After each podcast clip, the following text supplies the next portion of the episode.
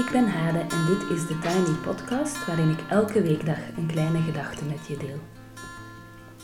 Vandaag is het maandag 27 april 2020 en de kleine gedachte gaat over synchroniciteit. De vaste luisteraars weten dat ik synchroniciteit omschrijf als toeval dat geen toeval is. Ik kreeg een heel mooi verhaal toegestuurd over een leven vol synchroniciteit. Wat me daarin enorm opviel, is het ontvankelijke van de vrouw die het schrijft. Ze lijkt, samen met haar man, zo openlijk en ontvankelijk om wat er op haar pad komt niet alleen tegemoet te treden, maar ook te omarmen. Ja, dat heeft me echt ontzettend geraakt. Ik neem jullie heel graag mee in een leven vol synchroniciteit, geschreven door een vrouw die anoniem uh, wou blijven.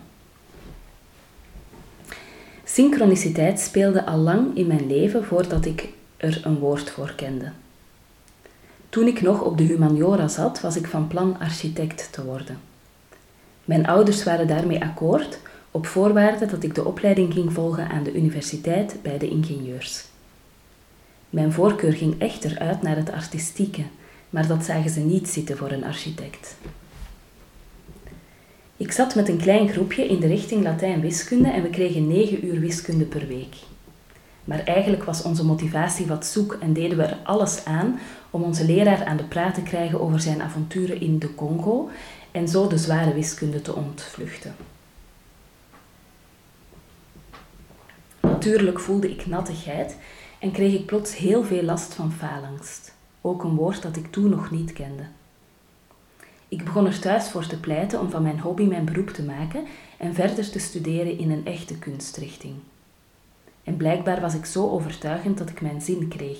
En ook mijn grootvader, die zijn onvervulde architectendroom in mij zag weerkeren, had er vrede mee. Voor mij ging er een nieuwe wereld open, vol creativiteit en inspiratie. En in het voorlaatste jaar ontmoette ik er mijn nieuwe lief, de man die nog steeds de man van mijn leven is. Ook hij had aanvankelijk andere studieplannen, maar hij mocht van zijn ouders niet op kot en zo belanden we beiden op dezelfde school, zij het in een andere richting. Voor de theoretische vakken zaten we soms samen en in het derde jaar leerden we elkaar echt kennen tijdens een studiereis in Praag.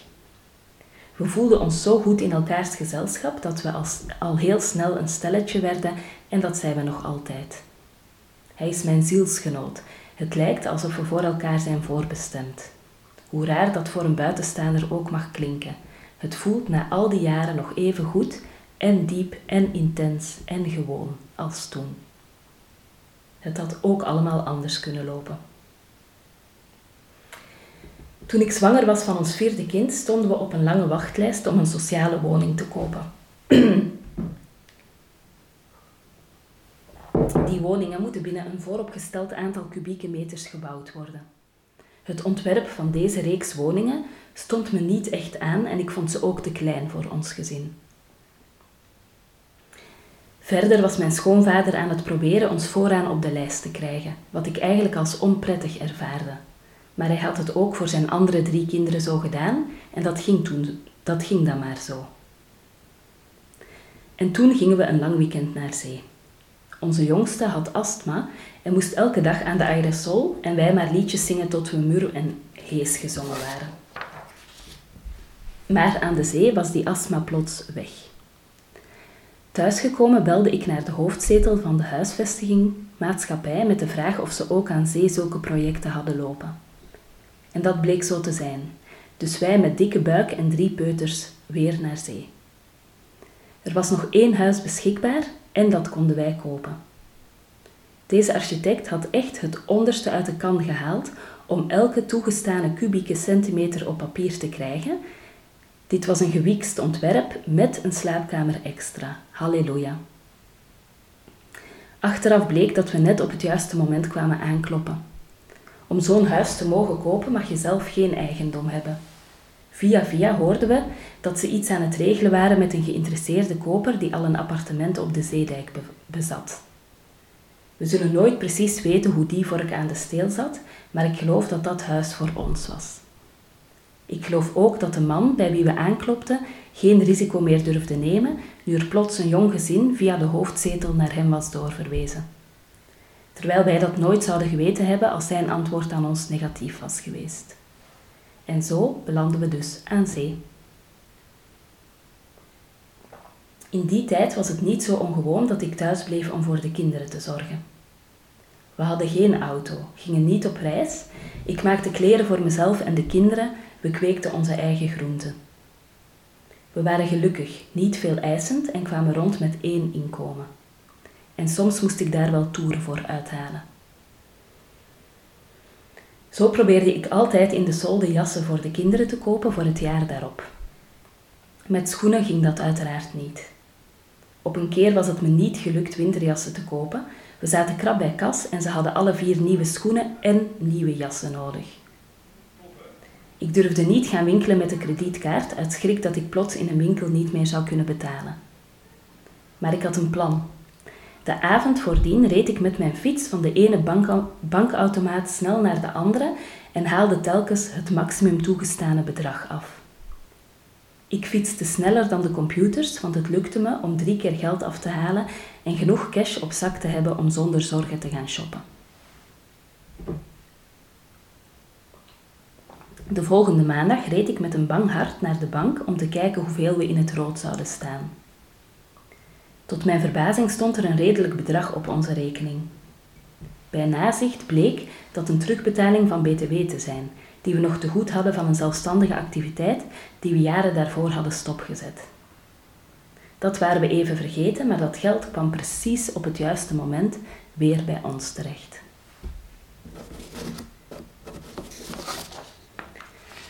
Financieel gebied gebeurde het wel vaker dat we een extraatje in de schoot geworpen kregen op momenten dat het meer dan welkom was.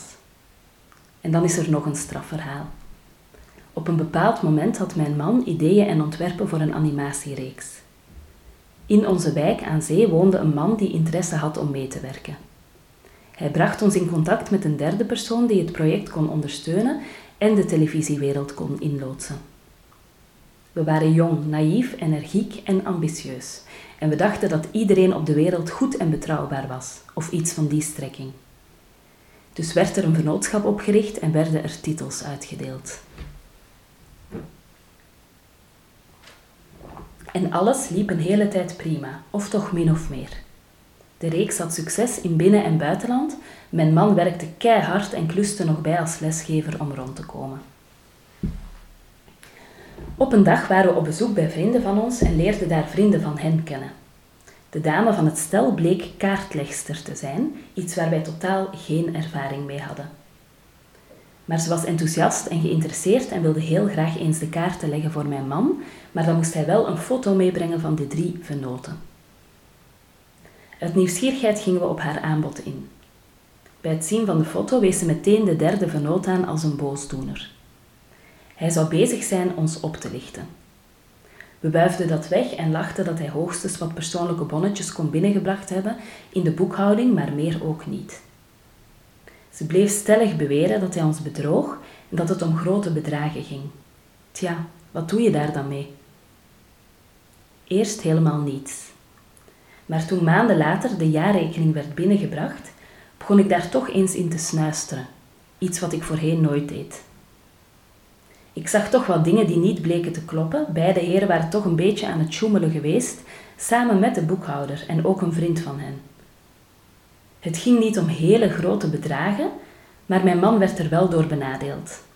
Dus vroeg hij een gesprek aan met de drie venoten bij de boekhouder. Ze gaven toe dat ze niet correct geweest waren en er werd afgesproken dat het nadeel tegenover mijn man zou rechtgezet worden. So far, so good. Ze schudden elkaar de hand en net op dat moment viel er een vel papier uit de map van de derde vennoot en dat warrelde naar beneden tot voor mijn man zijn voeten. Bij het opramen, oprapen zag hij dat het een fiscaal attest was van een auteursrechtenvereniging en dat het over een aanzienlijk bedrag ging. De derde vennoot trok bleek weg en verzond ter plekke wat smoesjes die nergens op sloegen. Eerder had hij ons wijsgemaakt dat er per productiehuis maar één persoon zich kon aansluiten bij de auteursrechtenvereniging en wij waren zo naïef dat we hem geloofden. Vermits hij al lid was, stelde hij voor om dat zo te houden en hij zou ons dan telkens een derde van het bedrag doorstorten. We waren blij en opgetogen met het extra vakantiecentje dat we elk jaar bij het begin van de zomer van hem kregen. Maar nu bleek dat dus een aalmoes te zijn en hadden we recht op meer, veel meer. En toen was het komkommertijd en kwam er een journalistenkoppel ons interviewen over hoe wij als koppel omgingen met onze vruchtbaarheid, nu onze kinderwens voltooid leek. Wij pasten een natuurlijke methode toe en voelden ons daar prima bij. Via de organisatie waar we de lessen volgden, waren deze journalisten bij ons terechtgekomen. Nu hing onze woonkamer vol met posters en tekeningen uit de animatiereeks en dat bleek een veel interessanter gespreksonderwerp dan het oorspronkelijke. Dus kreeg mijn man een pagina groot interview in een nationaal dagblad. En dat interview werd gelezen door de mensen van de Auteursrechtenvereniging. Er begon een sneeuwbal te rollen, hartje zomer. Dat kan dus echt. De mensen van de Auteursrechtenvereniging hadden er van in het begin bij de derde vennoot op aangedrongen om de andere twee vennoten ook lid te maken. Hij antwoordde doodleuk dat die daar niet in geïnteresseerd waren en het allemaal via hem geregeld zou worden. Maar nu begon er helderheid te komen en kwam hij onder druk te staan om een en ander recht te zetten. Het is uiteindelijk uitgedraaid op een vechtscheiding, maar mijn man mocht het kind wel houden. En ook daar zit een grappige synchroniciteit op. Toen mijn man zijn eerste prille ontwerpen maakte, ging hij ten rade bij een advocaat die niet ver van ons woonde. Die gaf hem de goedkoopste tip om je auteursrecht te beschermen. Een kopie neerleggen bij het kadaster, een kopie voor jezelf laten afstempelen en that's it. Rechtsgeldig. Voor de vechtscheiding namen de twee kompanen hun beste vriend advocaat onder de arm. Er is heel wat over en weer gevlogen en het ging er pittig aan toe. Maar toen puntje bij paaltje kwam, kon mijn man mooi aantonen dat het auteursrecht bij hem lag, dankzij de goedkope tip van de vriend advocaat. En die keek wel heel erg op zijn neus. En de synchroniciteit gaat verder. Toen we de zaak hadden overgenomen, werd het tijd om naar een groter huis uit te kijken. We hadden iets gevonden, maar onze boekhouder vond het nog te vroeg. Toen hij het jaar daarop groen licht gaf, stond hetzelfde huis te koop, maar goedkoper dan de vorige keer. Blijkbaar was het van de markt gehaald en net op tijd voor ons weer te koop gezet. Onze kinderwens groeide weer, in, eh, weer een beetje in dat grote huis. We vonden het zo fijn om kinderen om ons heen te hebben dat er nog wel eentje bij mocht. Er kwam er eentje, en wat voor eentje. Eentje met extra chromosoompjes, maar ook met extra veel liefde en vrolijkheid. Eigenlijk wilde ik graag nog een kind om nog eens van al die fasen te kunnen, van al die fasen intens te kunnen genieten. Omdat alles een beetje trager gaat bij onze Little Miss Sunshine, krijg ik dus veel meer dan ik vroeg. Mijn man zat intussen wel op een sneltrein met zijn project en dat stond haaks op zijn behoefte om er ook voor dit kind te zijn. Hij besloot zijn zaak te verkopen, net op tijd, want na de beurscrash in 2008 was de televisiewereld niet meer als voorheen. Ook voor onze Little Miss Sunshine is er synchroniciteit aan het werk. Ze ging eerst naar de school waar haar zussen en broers ook waren geweest. De fantastische directrice van toen was inmiddels op pensioen, maar we hadden nog steeds een goed gevoel bij de school en bij de nieuwe directeur. Wat echter ontbrak, was een goede visie op en begrip van inclusie bij de directeur, de zorgjuf en de klasjuf. Het liep dan ook mis op een bepaald moment. We werden standen PD doorverwezen naar het buitengewoon onderwijs, maar daar waren wij het niet mee eens. Uiteindelijk zijn we samen met haar in een school beland waar er veel meer visie, openheid en bereidheid is. Die zouden we niet gevonden hebben als we bleven aanmodderen in de eerste school.